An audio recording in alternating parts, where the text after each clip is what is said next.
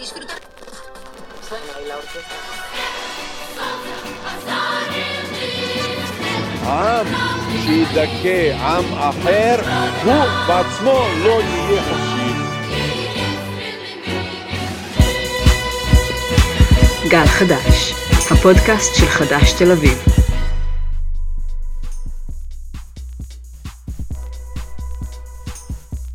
שלום חברות וחברים, אני טל שדות ואתם על גל חדש, הפודקאסט היחיד שלא מחפש רוטציה עם אף אחד. השבוע נקדיש את הפרק לנושא שכואב לרבים ורבות מאיתנו, מגפת האלימות המשטרתית. את הפרק הזה הקלטנו 24 שעות לפני ההפגנה בשייח' ג'ראח, בה הוא כאן נעצר ושוחרר חברנו חבר הכנסת עופר כסיף. אני מבטיח לכם שמדובר בצירוף מקרים בלבד, אבל בינינו, בתדירות שבה המשטרה תוקפת ומדכאת מחאות ברחבי הארץ, ורודה בציבורים ובאוכלוסיות, צירוף המקרים כלל אינו מפתיע. כי בשייח' ג'ראח, באום אל-פחם, בבלפור, וגם פה, מחוץ לאולפן שלנו בתל אביב, האלימות המשטרתית הגיעה לשיאים חדשים בשנת הקורונה האחרונה. אבל איך הגענו למצב הזה? וכיצד אפשר להפוך את המגמה ולהיאבק בחזרה? כדי לרדת לשורש הבעיה, הזמנתי לאולפן את מזכירת חדש בתל אביב, נועה לוי.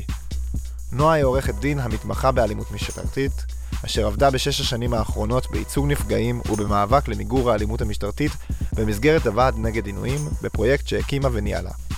אני רוצה לדבר איתה על סוגי האלימות המשטרתית שאנחנו רואים, כלפי מי היא מופעלת, באיזה אופן ולמה, על ההיסטוריה שלה ועל המצב ברחבי העולם.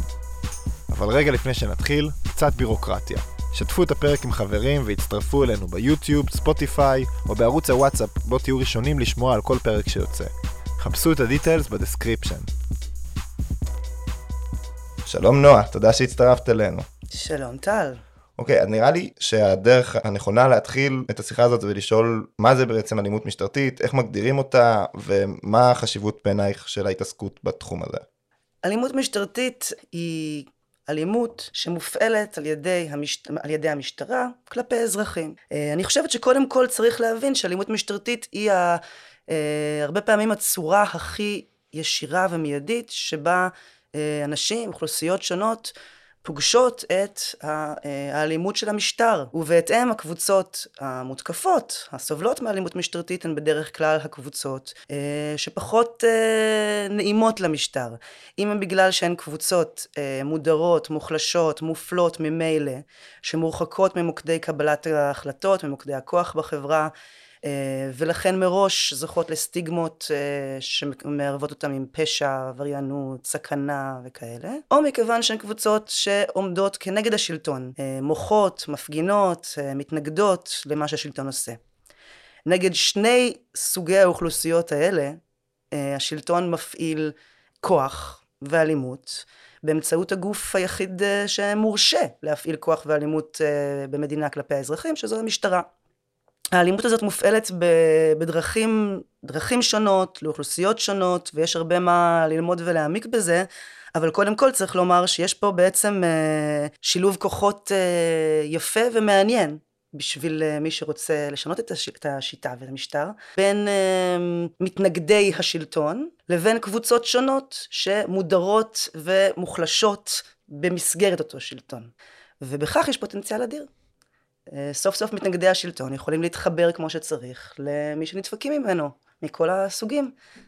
אז בעצם אולי בואו נתחיל להתמקד בנקודה הזאת, איפה את פגשת את המפגש הזה בין מפגינים מצד אחד ומיעוטים מצד שני. אז איך בעבודה שלך בוועד נגד עינויים, בפרויקט שניהלת, איך, איך נראה המפגש הזה שם? הפרויקט בעצם בא ופנה אה, באופן די רחב והודיע, יש לכם תלונות על אלימות משטרתית, ספגתם אלימות משטרתית, בואו, ספרו לנו, ואנחנו אה, ניתן לכם ייעוץ משפטי, ובמקרים אה, שנוכל גם ניקח לייצוג משפטי מלא. תלונה מול, מח... תלונה מול מח"ש, ולאחר מכן הרבה, בוא נאמר, הליכים נוספים נלווים. פניות לפרקליטות, לבית המשפט, למערכת המשמעת של המשטרה וכו'. עכשיו, מי שפנו אלינו היו אה, או מפגינים, מפגינים, אני צריכה להגיד, מכל זרם אה, בפוליטיקה הישראלית. לא מדובר ספציפית במפגינים אה, משמאל, גם אה, מפגינים אה, כמובן חרדים, יש גם מתנחלים, וגם מהמרכז הפוליטי. הגיעו אליי מפגינים של יש עתיד שחטפו מכות. כלומר, באמת, אה, אה, כמעט כל מי שיוצא היום ועומד אה, עם שלט אה, עלול לחטוף מכות. במקביל אליהם, אה, התחילו להגיע בעצם אה, אנשים מקבוצות כמו יוצאי אתיופיה, אנשים אה, מהאוכלוסייה החרדית, מאוחר יותר אנשים עם מוגבלויות, ולאחר מכן ארגונים של אנשים עם מוגבלויות, שבעצם באים ואומרים, אנחנו, אנחנו לקוחות קבועים. אנחנו, יש לנו מתקפות של שוטרים אצלנו בשכונות פעם בשבוע. אנחנו רק צריכים לבחור את המקרים הכי חזקים שרוצים להתלונן בשבילם, ואיתם נבוא אלייך. עם החרדים זה באמת היה חדש במיוחד, כי זאת קבוצה שלא התלוננה לפני כן, והקשר עם זה שהם סוף סוף קיבלו ייעוץ משפטי שמאפשר להם, אה, הביא באמת לגל רחב ראשון של... אה, אה, של תלונות. כן, אז בשנים האחרונות אלה האנשים שעבדתי איתם. מפגינים, מכל הזרמים, ומיעוטים מכל הסוגים.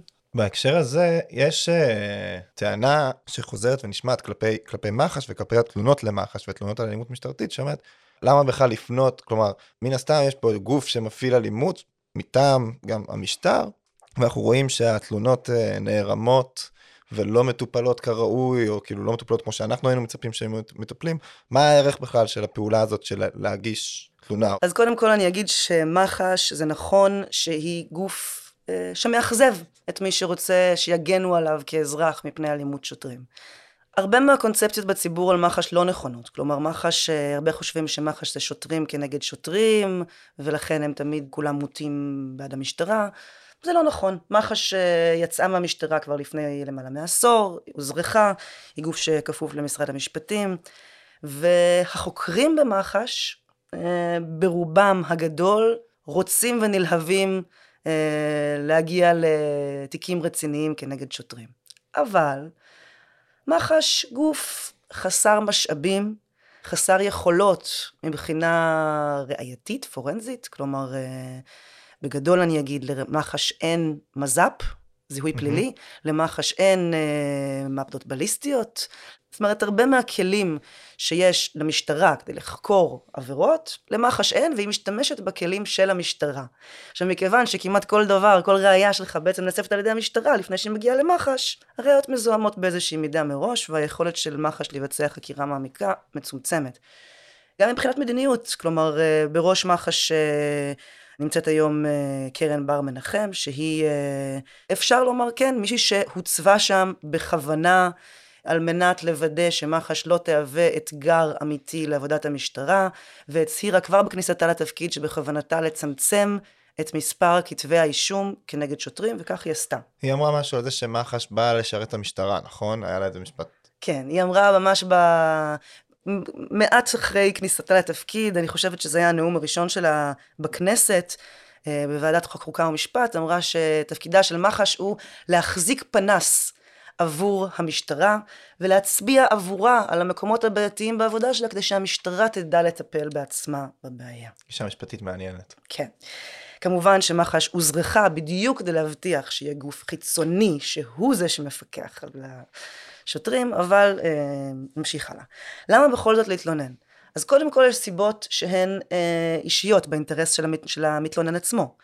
פעמים כשאדם מותקף על ידי שוטר, הוא גם מקבל רישום פלילי בעצמו על תקיפת שוטר.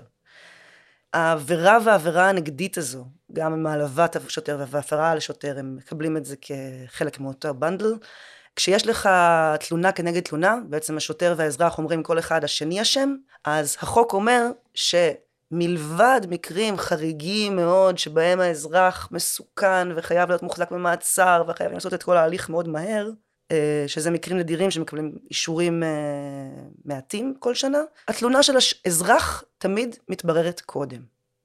כלומר, שמשתלם לאזרח להתלונן, כדי שידחו את הטיפול בתקיפת שוטר, בתיק שלו, שהוא קיבל, עד שמח"ש יסיימו לעשות את עבודתם. עכשיו, מח"ש עובדים לאט. הממוצע סגירת, הממוצע של טיפול בתיק, כשאני ראיתי, היה כחצי שנה. וחצי שנה אחרי, אין הרבה סיכויים שהמשטרה תלך תעשה חקירה רצינית ותבנה תיק נגד אזרח על תקיפת שוטר. כך שבעצם זה מהווה הגנה הרבה פעמים עבור האזרח. סיבה אחרת היא שהרבה פעמים אזרח יכול לרצות בסופו של דבר לתבוע בנזיקין את המשטרה על כך שתקפה אותו. תביעה נזיקית דורשת, הרבה פעמים בשביל להגביר את האמינות, להראות שהייתה תלונה גם למח"ש לפני, שלא תעלה השאלה הקלאסית, למה לא התלוננת? אז אה, אלה סיבות אינדיבידואליות, והסיבות הרחבות יותר הן, א', שאנחנו בכל אופן חייבים הרתעה. השוטר חייב לקבל איזשהו מסר מהמערכת שהייתה בעיה באיך שהוא התנהל, ועצם העובדה שהוא יזומן לתשאול, אה, שיהיו לו בעיות, שהוא יהיה על תנאי, שבתיק שיש בו ראיות, הוא בדרך כלל, הוא יכול, לא בדרך כלל, אבל התיקים שאני טיפלתי היה 50% מהתיקים שהגיעו להעמדה לדין משמעתי. כלומר, זו לא הסנקציה שאנחנו רואים כמתאימה ונכונה לעבירה הכל כך כל כך נפוצה של תקיפת אזרחים, אבל אה, זו כן הרתעה כלשהי. ובנוסף, כדי שנוכל להיאבק בתופעה. כדי שנוכל להיאבק בתופעה, אנחנו צריכים להביא סטטיסטיקות. אנחנו צריכים להביא מספרים. אנחנו צריכים להיות מסוגלים להראות שיש תופעה חוזרת של אלימות משטרתית. והתלונות למח"ש הן בדרך כלל הדרך המאורגנת והמסודרת, א', שיירשם שהיה מקרה של אלימות משטרתית, ב', שבסוף הטיפול בתלונה אתה מקבל את התיק ויש לך את הראיות שיש לך ביד למה שקרה. וזה דרוש למאבק, גם למאבק אה, בכנסת, גם למאבק בבתי המשפט, בניסיון לדרוש טיפול אחר באלימות משטרתית. בשנה האחרונה ובמסגרת כל ה... גם הסגרים של הקורונה והאכיפה של ההנחיות וגם המחאה הגדולה שהייתה, אז הנושא הזה של אלימות אה, משטרתית צף בשיח הציבורי אה, הרבה, וצף אה, אני לא אגיד צף מחדש, אבל צף בצורה מאוד שונה מאיך שהוא נכח לפני גל המחאה וגל הסגרים, אבל גם לי זה נראה מהצד שבטח היה עכשיו עלייה בהגשה אה, של תלונות על אלימות משטרתית, אבל עדיין, וזה גם מה שהיה כזה נורא נוכח בפיד השמאלי, כל הזמן עשו את, ה, את ההשוואה בין הקבוצות שזוכות לאלימות שציינו בהתחלה, אמרו, שמעו, זה עדיין מאוד מאוד אחר. כלומר, וגם אם נתייחס שנייה יותר לעניין של האכיפה של ההנחיות, כל הדינמיקה של הבקשת תעודות זהות והאי הזדהות והעיכוב, שעליה הייתה השתוללות מאוד גדולה ברשת ובחדשות, ושם גם כולם אמרו, כן, אבל חבר'ה, זה לא מה שאתיופים חווים, זה לא מה שערבים חווים. קודם כל, נראה לי זה טוב לשאול ולענות האם זה באמת נכון, ושנית, איך ההבדל הזה נראה במח"ש, בוועד נגד עינויים, בצד השני כאילו של התלונה. טוב, אז שאלת אותי, הזכרת הרבה מאוד דברים בשאלה, אז אני רק אה, ככה אראה אותם. אחד זה באמת אלימות כלפי מיעוטים ביחס לאלימות אה, כלפי אוכלוסיות, אה, בוא נגיד, המיינסטרים בחברה, כן. אה, ואחת הייתה לגבי הסיפור של אה, נוהל הזדהות, ושלישית אלימות משפטית בתקופת קורונה. שלושה נושאים חשובים ומעניינים. אני אתחיל מהראשון, אז באמת מיעוטים סובלים מאלימות משטרתית באופן קבוע בישראל, ולא רק בשנה האחרונה. יוצאי אתיופיה הם אלה שהניפו את, ה, את נס המרד, ולפני כבר uh, כשש שנים uh, יצאו למחאה נרחבת על העובדה שהם, uh, מספיק שהם יצאו לרחוב, ושוטרים כבר מגיעים ומעכבים אותם ומציקים להם. כמוהם גם אוכלוסיות uh, אחרות, והאלימות המשטרתית כלפי מיעוטים היא שונה, אני רוצה להגיד משפט אחד על זה, גם, כן, מהזווית של העורכת דין שליוותה את כל המקרים האלה, צריך להגיד uh, ש... אה, בדרך כלל כשאתה רואה אלימות משטרתית כלפי אה, מיעוטים או קבוצות אה, מופלות, אתה רואה שוטרים צעירים, זוטרים, גזענים, שהולכים ברחוב, רואים את הנער הערבי או הנער האתיופי, ובטוחים שהוא פושע ושעכשיו הם יראו לו מה זה. ולהיתקלויות האלה ברחוב יש, יש אופי אה, אה, שונה, שבו באמת השוטרים הרבה פעמים, הרבה פעמים הם במאבק אגו. מאבק אגו, אישי, לפעמים אתה יכול לראות שוטר שתוקף לבד, לפעמים אתה, הרבה פעמים יכול לראות חריגות מכל סטנדרט הגיוני של הפעלת כוח, ואתה יכול לראות הרבה פעמים אה, לחץ פסיכולוגי, זאת אומרת, אה, איומים, מילים קשות, השפלות.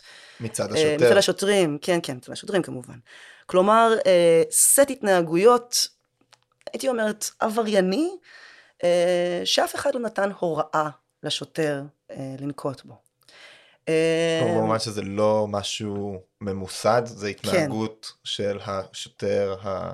כן, יש תרבות הספציפי. ארגונית, תרבות שוטרים. ארגונית uh, בתוך המשטרה של uh, גזענות, אלימות, uh, סקסיזם, שהשוטרים האינדיבידואלים מביעים אותה בללכת ברחוב uh, ולהוציא את זעמם על uh, אנשים ולהיות רנדומליים. גזענים וסקסיסטים. עכשיו, זה מאוד שונה, צריך להגיד, מהאלימות המשטרתית שיש כלפי מפגינים.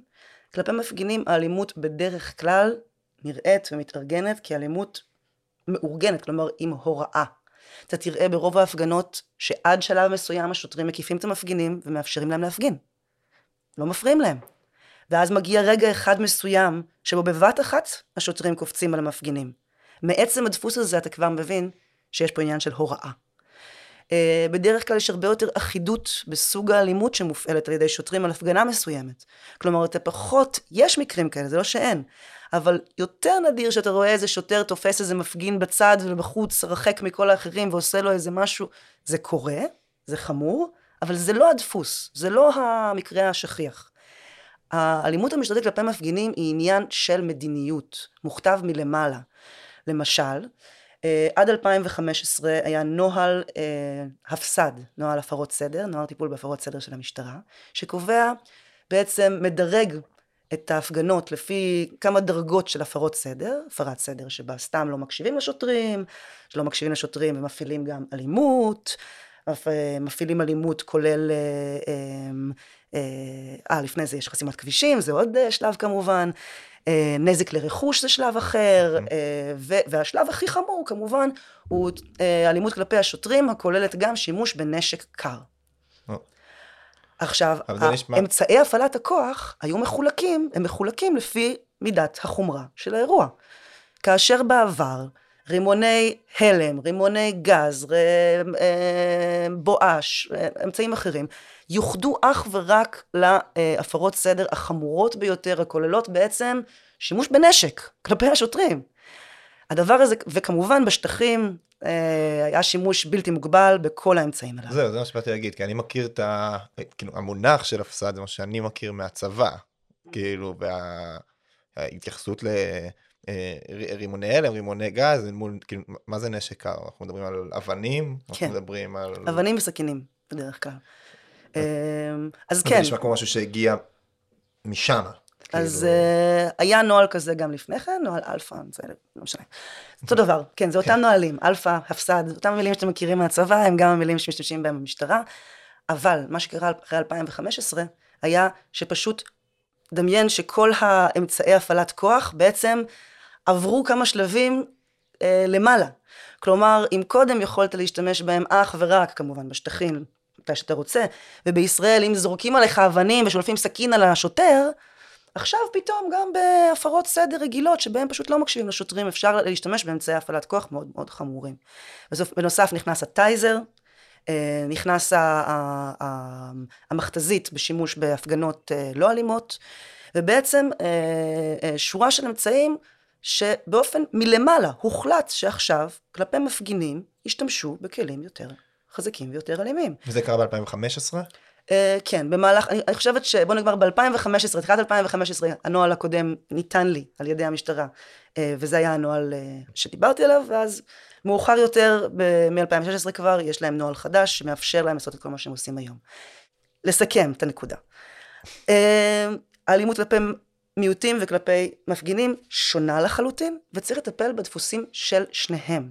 כלומר, גם במדיניות של המשטרה, המחמירה את הדיכוי של הפגנות, במקום לחפש עוד ועוד דרכים לאפשר לאנשים להפגין, וגם מצד שני, אה, לטפל בתרבות הארגונית בתוך המשטרה, שהיא תרבות ארגונית ש, אה, שבה למשל שיחות שלי עם שוטרים, אה, הם אומרים לי בבירור מול העיניים, טוב, אבל האתיופים האלה, מה את רוצה? הם באמת מפגרים, הם מבינים רק כוח. שוטר אומר לי את זה, הוא גם לא חושב שהוא אומר משהו לא בסדר. זאת התרבות המקובלת במשטרה. אה, אבל גם התייחסת לעוד נושאים, אז... אה, אבל, אני כן רוצה להישאר על הנקודה הזאת. אוקיי, אז אחר כך נושאים אחר. כך לחזור אליהם, לא, כן, כל שאלה. כי בעצם השאלה, התת שאלה שעולה מתוך זה, היא, היא מה יותר קל, או מה יותר קשה גם להתמודד. כי אם אנחנו דווקא אומרים שהאלימות כלפי אה, נער אתיופי היא כאילו אלימות ספורדית של שוטר שהוא הוא אלים טיפה והוא גזען טיפה וזה לא משהו מערכתי וזה בא ממנו, כאילו גם אם המערכת יש לה את ה... את ההתנהגות הזאת בתוכה, הרי אף אחד לא, אין הוראה מערכתית ללכת להציק לנערים אתיופים שיושבים על ספסל, אז זה משהו שנשמע שכאילו, תאורטית אמור להיות יותר קל להתמודד איתנו, כי יש פה איזו חריגה מהקוד התנהגות. ואז דווקא אל מול מפגינים, אם, אם אנחנו רואים שזה אלימות מסודרת וחוקית וממוסדת, אז זו שאלה טובה, אני לא יודעת מה יותר קל, אבל קודם כל אני רוצה, אני לא רוצה שיצא כאילו שהאלימות כלפי מיעוטים היא משהו ספורדי, קטן, שולי. לא, יש, uh, המערכת בהחלט אחראית למה שנעשה שם, קודם כל על ידי, בכך שהיא מאפשרת לתרבות הארגונית ש, שרואה בכל מי שקצת שונה, אוטומטית מישהו שיכול להיות שצריך להפעיל עליו יותר כוח, היא ממשיך, מאפשרת לו להמשיך להתקיים, וב' היא מגינה על השוטרים.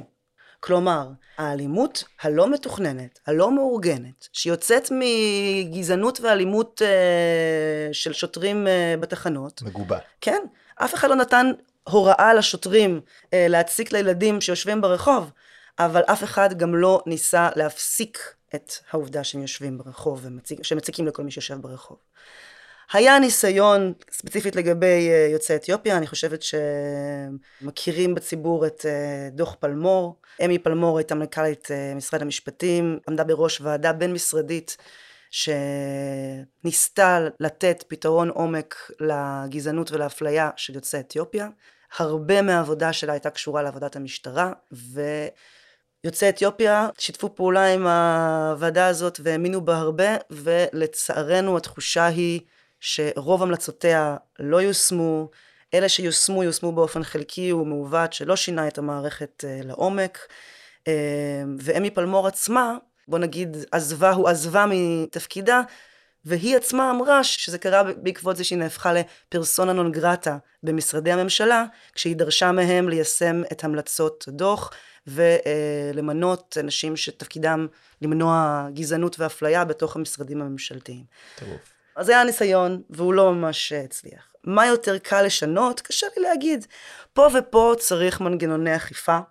כרגע המצב שבו מח"ש לא מתפקדת כמנגנון אכיפה, מאפשר לאלימות המשטרתית מכל הסוגים להמשיך אה, ולגבור. אה, אבל אה, נכון שכשנאבקים על העניין של, אה, של, חופש, הפג... של חופש המחאה, בוא נגיד, אז uh, הייתי אומרת דווקא שיותר קל להיאבק נגד זה, כי פה יש שוטרים שמקשיבים למה שאומרים להם. אתה רק צריך להקשיב, לשנות את uh, המדיניות, גורמי המדיניות. תרבות ארגונית זה דבר שצריך uh, לבנות, כן, לחלחל, מיסוד. תהליך, זה יותר השקעה, אם כבר. שאלת uh, על, uh, על הקורונה. נכון.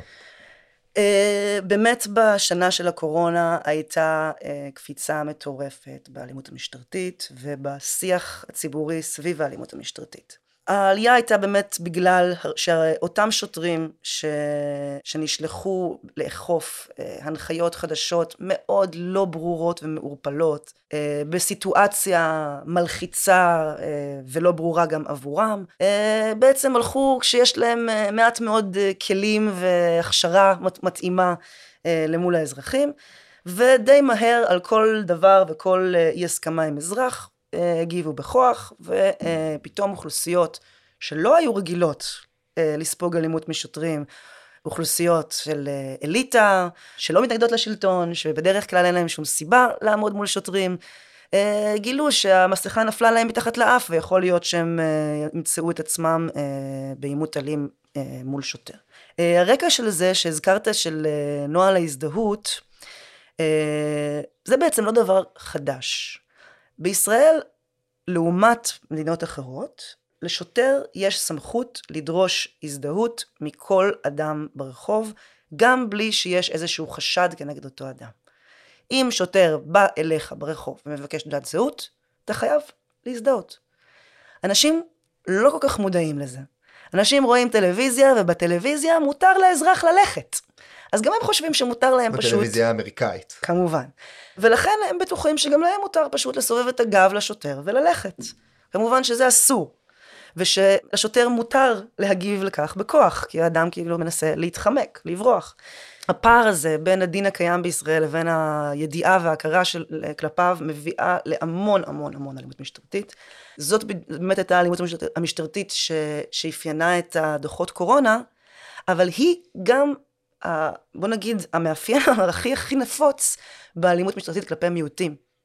זאת אומרת, הייתי אומרת שרוב התיקים שראיתי, שבהם אה, אנשים חטפו מכות משוטרים, בעיקר בגלל זהותם או מי שהם, זה התחיל מבקשת הזדהות. שוטר מבקש מבדואי ברחוב בתל אביב להזדהות, הבדואי אומר לו מי אתה, כי השוטר אגב אפילו לא חייב ללבוש מדים. אה, באמת? כן, כן. אז אה, אדם ניגש לאדם אחר, הוא מבקש שיזדהה, האדם האחר אומר לו מי אתה, עוף לי מהעיניים, וברגע הבא יכול להיות שאותו אזרח ימצא את עצמו מותקף על ידי עשרה שוטרים אה, מכל הכיוונים על הרצפה, זה תיק שטיפלתי בו.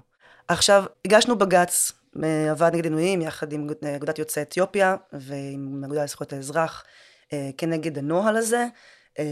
העתירה השנה, במהלך תקופת הקורונה, התקבלה בבג"ץ ודרשו בעצם המשטרה להתקין נוהל חדש, שטיפה יפרט מהן העילות שמאפשרות לשוטר אה, לדרוש מבן אדם להזדהות ברחוב, ולא כל דבר שהוא חושב שדרוש לו לתפקידו.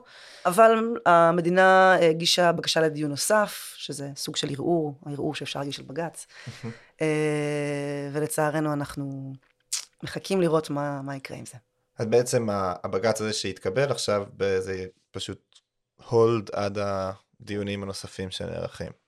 ואם נלך על האופציה האופטימית, אם הוא בכל אופן אה, מתקבל והמאבק הזה בכל זאת הצליח, זאת אומרת שהוא מתקבל, כלומר זה לא רק תקף על התקופת קורונה המבולבלת ולהזדהות בשביל מסכה, כלומר דווקא כאילו במקום הזה ההד הציבורי הגדול שיצא מה... מפגש של כל האוכלוסייה פתאום עם שוטרים והאגרסיה שלהם מושלכת ישר על איפה שזה פוגש מיעוטים, או שגם שם זה, זה לא, עוד לא זה. מספיק נכון. מדויק. זה נכון. אני רוצה לצטט פה באופן מפתיע, דווקא את חברי הכנסת משה ארבל מש"ס. הופה. שאמר בדיון בוועדת כנסת שהשתתפתי בו. אגב, איחוד מאבקים. כן, כן, נכון. אה, אמר, סיפר סיפור אה, יהודי, אני אצטט אותו, אני מקווה שלא אעוות אותו יותר מדי. אה, ברוחו. על uh, אישה עשירה, באה לבאר בצד הכפר לשתות uh, מים, ונפל לה uh, תיק הזהב שלה. Uh, בכתה, צעקה, קראה וזה והכל, ובאו כמובן אנשים האחראים מהעיר לעזור לה להוציא את תיק הזהב מעומק הבאר. באה האישה ענייה וצחקה ושמחה שמחה גדולה. הסתכלו עליה ואמרו, מה את ככה שמחה על עידה של חברתך העשירה, מה עשתה לך? והיא אמרה, אני, התיק שלי נפל לתוך הבאר הזה, הזאת כבר לפני שנים, זמן רב.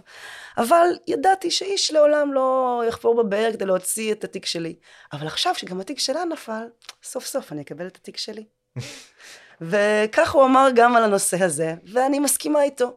בעצם מיעוטים בישראל סבלו מנוהל ההזדהות זמן רב. הוא בעצם היה נוהל ששימש עבור profiling. כי ברגע ששוטר יכול לעצור את מי שהוא רוצה, מאיזה סיבה שהוא רוצה, ולדרוש הזדהות, אתה שומע מלקוח אתיופי, יוצא אתיופיה ש, ש, שהצגתי מנתיבות, שכשהוא יוצא מהבית והולך, הוא בממוצע שלוש פעמים ב, בהליכה מתבקש להזדהות. והוא אומר, גם אם הייתי סבלני בפעם הראשונה ובפעם השנייה, הפעם השלישית אני כבר עצבני. וכשאני עצבני, אני לא יודע מה יקרה, ויכול להיות שאני בסוף אחטוף משהו.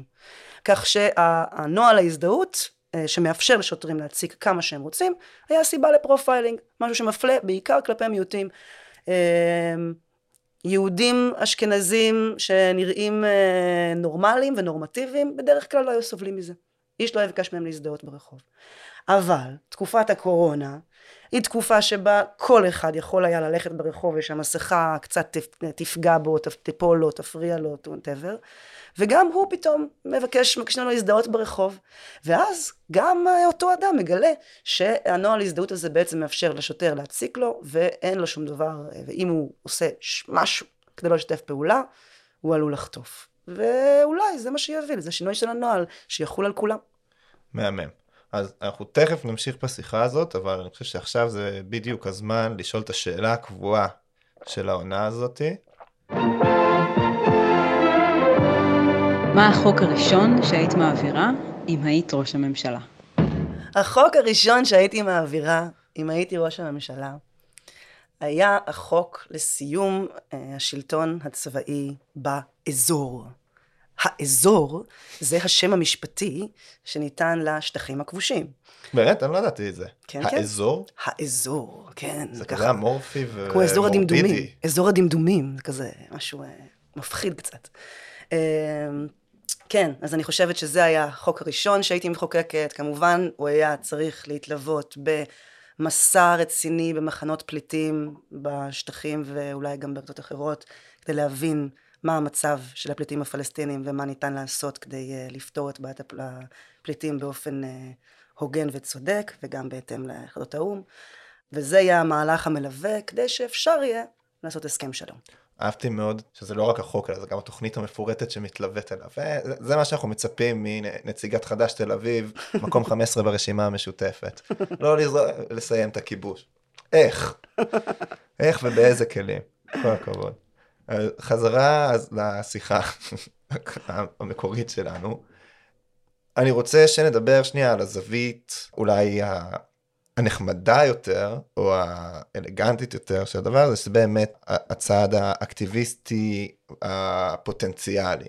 על האיחוד מאבקים ועל המפגש הזה בעצם בין אוכלוסיות שהמכנה המשותף שלהם הוא האלימות המשטרתית. בשנה האחרונה, במחאה, מחאת בלפור, שהיא מחאה יש הרבה דברים להגיד עליה, אבל היא מחאה מאוד מיינסטרימית באופייה בהרבה מובנים. הקול הזה של, אה, אנחנו צריכים לשתף פעולה עם הקהילות המוחלשות, עם הזה, הוא פתאום צבר אה, תאוצה. עם זאת, מעבר לנוכחות של קבוצות פעילות של, אה, בעיקר של יוצאי אתיופיה, האמת היא, בהפגנות בבלפור, או קצת אה, שיחות או ייחודים קטנים שעשו אני באופן אישי לא מאוד ראיתי איפה זה בא לידי, אני לא ראיתי איזה איחוד מאבקים מרגש שקרה. בגלל זה אני רוצה להפנות את השאלה הזאת אלייך, על כאילו גם איך יוצרים את זה, אבל גם פה מישהי שכאילו גם באמת התעסקה עם המון אוכלוסיות מודרות שונות. שנייה רגע לפני איחוד מאבקים. בואו נדבר רגע על, על המקום של אלימות משטרתית בתוך מאבקים. קודם דיברתי על זה שאלימות משטרתית היא בעצם אה, אולי האופן הכי דמונסטרטיבי, מדגים, הדוגמה, מה שמדגים לאנשים את הדיכוי של המשטר כלפיהם. ובכך, זה לא עוד איזה אומללות כללית, ואתה מזדהה עם האומללים, סולידרי עם המסכנים. לא כזה. איחוד מאבקים כזה, תשחרר. זה לא המקום. מה שלמדתי בשנים האחרונות שבהם אני מלווה בעצם אה, נפגעי אלימות משטרתית, שאלימות משטרתית נכנסת לתוך מאבקים קיימים, מאבקים חברתיים, פוליטיים, של קבוצות שונות, היא תמיד הופכת להיות חלק מהמאבק ואמצעי להגברתו. כלומר, אה, התחלתי את פרויקט האלימות המשטרתית ביחד עם אה, המאבק נגד מתווה הגז היה מאבק מאוד מאוד חשוב, שבו אה, בעצם האלימות המשטרתית הייתה קשה ומפתיעה, גם אז, מכיוון שמדובר ביחסית במפגינים מהמיינסטרים אה, התל אביבי, האלימות המשטרתית הייתה קשה, וזה גם מה שהוביל אותם הרבה פעמים לתקשורת. אה, המשכנו הלאה ופגשתי את המאבק של אה, תושבים בדואים בכפרים בלתי מוכרים. התושבים uh, התחילו להזמין אותי בכל פעם ש... שהתחילה אלימות, שהגיעו שוטרים כדי לפנות אותם מהיישוב שלהם. כביכול הם רק באו כדי שאני אעזור להם מול השוטרים. אבל די מהר התלונות והפרסום שמסביבם הפך להיות אמצעי א', שידעו על המאבק שלהם כנגד הפינוי, וב', כלי שלהם מול המשטרה, לעמוד באמת ולעצור את הפינוי. ספציפית במקרה הכי מפורסם שבו טיפלתי, אל-חיראן? של אום אל-חיראן, הוא מקרה שבו מאבק של תושבים נגד הפינוי שלהם. שכביכול לא הצליח. כלומר, השוטרים הגיעו כדי לפנותם מהכפר ולהרוס את הבתים שלהם. אחרי אה, משא ומתן ארוך, כי התושבים שם רצו, הסכימו להתפנות, הם רק רצו אה, פיצוי. אה, המשטרה שם אה, הרגה את יעקוב אבו אלקיעאן והביאה בכך גם למותו של שוטר אה, שנהרג מהרכב שהידרדר עליו. והעובדה שהטיפול המשפטי לא אפשר לסיפור הזה לרדת מהכותרות, גרמה לכך שהמשטרה לא יכלה להשלים את ההריסה. והכפר עומד עד היום. כלומר, עברו כבר ארבע שנים. אה, המשטרה הורסת בתים בכל האזור, אבל, אבל אום אל-חיראן, כל עוד הסיפור בכותרות, מוגן. במובן הזה, האלימות המשטרתית וה, והטיפול בה והמאבק בה, הם ממש ממש חלק מהמאבק. גם אה, אני חושבת ש, שאצל אה, אה, אנשים עם מוגבלויות, בעצם יש בכלל מיקס מעניין. אנשים עם מוגבלויות הגיעו אליי בעקבות המאבק שלהם להעלאת קצבאות, אבל המאבק שלהם להעלאת קצבאות כלל חסימת כבישים. חסימת הכבישים גרמה לאלימות משטרתית כלפיהם, ואז הם יצאו למאבק נגד האלימות המשטרתית. מה שכמובן התחבר עם העובדה שהמשטרה מפעילה אלימות איומה ונוראה כנגד אנשים שהמוגבלות שלהם היא לא נראית, כמו אה, אה, אוטיסטים או אנשים עם אה, מגבלות אה, שכליות, בעיות התפתחותיות ואחרות. ו... והאלימות המשטרתית הזאת מזעזעת ומגיעה לפעמים עד כדי אה, רצח, כמובן, בעיקר כשהאדם עם המוגבלות נוטה להיות ערבי. כן, זה המקרה שהיה עכשיו של יד אל-חלאק. זה המקרה הפומבי, הציבורי, היה עכשיו עוד אחד. החזק. לפני שבועיים היה עוד אחד. היה בחור אה, עם מוגבלות נפשית, שאימא שלו צלצלה להגיד שהוא שולף סכין ומסתובב, והשוטרים פשוט הגיעו וירו בו למוות. הסיפורים המזעזעים האלה מגיעים אחד אחרי השני. עכשיו, כשאתה מסתכל על הסיפורים האלה, ואתה מסתכל אחד אחרי השני על המאבקים האלה, והאנשים שלוקחים בהם חלק לאורך שנים, אה, מתחילים כבר להיות מודעים לכך שזה משהו שמשותף להם ולמאבקים אחרים. לכולם יש את ההיתקלות החוזרת עם האלימות של המשטרה כלפיהם. הם, הם, הם מתחילים בעצמם לדבר על תמיכה, על כן, כמו שעושים ליוצאי אתיופיה, זה איום ונורא מה שעושים לאנשים עם מוגבלויות, ומה שעושים לפלסטינים זה בכלל. חרדים פתאום מדברים על פלסטינים, פלסטינים פתאום מדברים על, על אנשים עם מוגבלויות. זאת אומרת, כל המעגלים האלה הם נהיים במודעות. עכשיו, איך לעורר את זה, איך להיאבק בזה? אני חושבת שצריך אה, קודם כל להצטרף למחאות האלה ולהדגיש אותן מתוך הבנה שעצם ההדגשה של האלימות המשטרתית היא הדגשה של המשותף. היא הדגשה של הרגע שבו קבוצה, אם היא קבוצה פוליטית ואם היא קבוצה אתנית ואם היא קבוצה מכל סוג אחר, עומדת למול המשטר וסופגת. זה הרגע שבו היא יכולה גם לעבור להיות קבוצה מתנגדת. וכל הקבוצות האחרות שסופגות אלימות דומה, באותו רגע מבינות אותה ומזדהות איתה.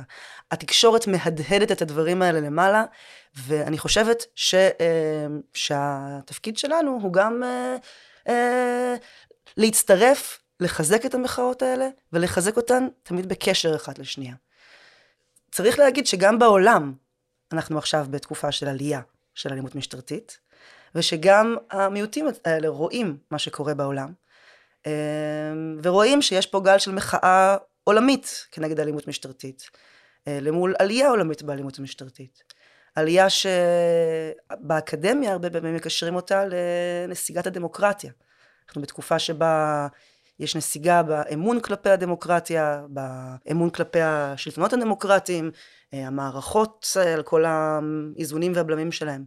הירידה הזאת באה עם עלייה באלימות של המשטר כלפי האזרחים, והמחשבה על ההתנגדות לאלימות כזו כרגע מארגן של ההתנגדות של אזרחים למשטר דכאני, צריכה להתגבר ולהפוך לפעולה. מהמם. והאמת היא שאנחנו באמת מתקרבים לסוף, וזה היה נראה לי קו נורא טוב לסיים בו. יש עוד דברים שהייתי רוצה להוסיף? אני אוסיף לסיום על המאבק באלימות משטרתית, בהמשך למה שאמרתי וגם אה, בנוסף, אני חושבת שיש מקום היום לניסיון אה, יחסית ממוסד וממסדי יותר למאבק באלימות המשטרתית ולדרישה להגברת האכיפה של החוק על שוטרים. אה, יש לזה סיכוי. גם השמאל, גם הימין, גם החילונים, גם הדתיים, כולם ספגו מהמשטרה, וכולם מבינים שמח"ש, כפי שהיא עובדת כיום, היא לא פתרון. כך שמאבקים שינסו למצוא פתרונות ורפורמות אה, ולדחוף אותם ברמה הפוליטית, ברמת הסינגור, יכולים לעבוד וצריך שותפויות רחבות בעניין הזה. וכאקטיביסטים אנחנו צריכים לשים לב ליוזמות האלה ולתמוך בהן, אבל גם כאשר אנחנו יוזמים מחאה שקשורה גם לאלימות משטרתית, כנגדנו, כנגד uh, הקבוצות שאנחנו נאבקים uh, במסגרתן ואיתן, זה הרגע שלנו לזכור את הקבוצות האחרות שסובלות מאותו הדבר, ולהזמין אותם להצטרף, להזכיר גם אותם, ולנסות לקדם אה, חזית רחבה של מאבק באלימות משטרתית. מאוד אתכם להסתכל על העמוד של החזית אה, נגד אלימות משטרתית. נשים לינק ב description גם. כן, תודה רבה. אז תודה רבה, נועה, על השיחה המעניינת הזאת. סיעת הרשימה המשותפת קראה להקמת ועדת חקירה בנושא האלימות המשטרתית והשעיית השוטרים האלימים עד למיצוי הדין. לצערנו, במציאות הפוליטית שבה דוברות המשטרה מרשה לעצמה לשקר במצח נחושה במהדורות החדשות, וכשהשר לביטחון פנים הוא סוג של מינוי אישי של בלפור, נדמה שכוחות גדולים וחזקים יעמדו כחומה בצורה נגד כל רעיון או יוזמה לשינוי המצב. אבל גם אנחנו יכולים לעמוד כחומה בצורת הסולידריות. קודם כל אחד עם השני ואחת למען השנייה. כמו שנועה אמרה, האלימות המשטרתית מחברת בין קהילות, מפגינים ומחאות שונות, שאולי לא יצליחו להסכים כמעט על כל דבר אחר, אבל מול המשטרה יהיה להם מכנה משותף. אבל אם אנחנו מאמינים בכוחה של החברה האזרחית המשותפת, ואם אנחנו יודעים שהאגרוף אלים של שוטר מייצג מאחוריו את האגרוף האלים עוד יותר של המשטר, אז האפשרויות לשינוי הופכות להיות ברורות. רק ברית אמיתית של מדוכאים, שלא מוכנים להתפשר על הביטחון האישי, היחס ההוגן, הכבוד והזכויות שלהם. רק מאבק משותף וחוצה מגזרים יכול לשנות את המציאות, ואנחנו לא נפסיק להיאבק עד שנשפר אותה. אז עד כאן להיום גל חדש. חטפתם ממכתזית? רוצים לחסום את איילון? תכתבו לנו, אנחנו בכל מקום שאפשר להיות פה. יוטיוב, ספוטיפיי, אפל מיוזיק וכל אפליקציית פודקאסטים שיש לכם. אם אתם רציניים באמת, בואו לקבוצת הוואטסאפ האקסקלוסיבית שלנו, בה תהיו ראשונים לדעת כשיוצא פרק חדש. ואם אהבתם את מה ששמעתם, תשתפו, תדרגו, תספרו לחברות ולדודים, ותעזרו לנו להגדיל את הגל. זה המקום להודות לשר יהלום על התחקיר, לאורי כגן על העריכה, ולשאר צוות הפודקאסט. וכמובן, שגם לכם ולכן, המאזינים והמאזינים. אני הייתי טל שדות, נתראה על הבריקדות.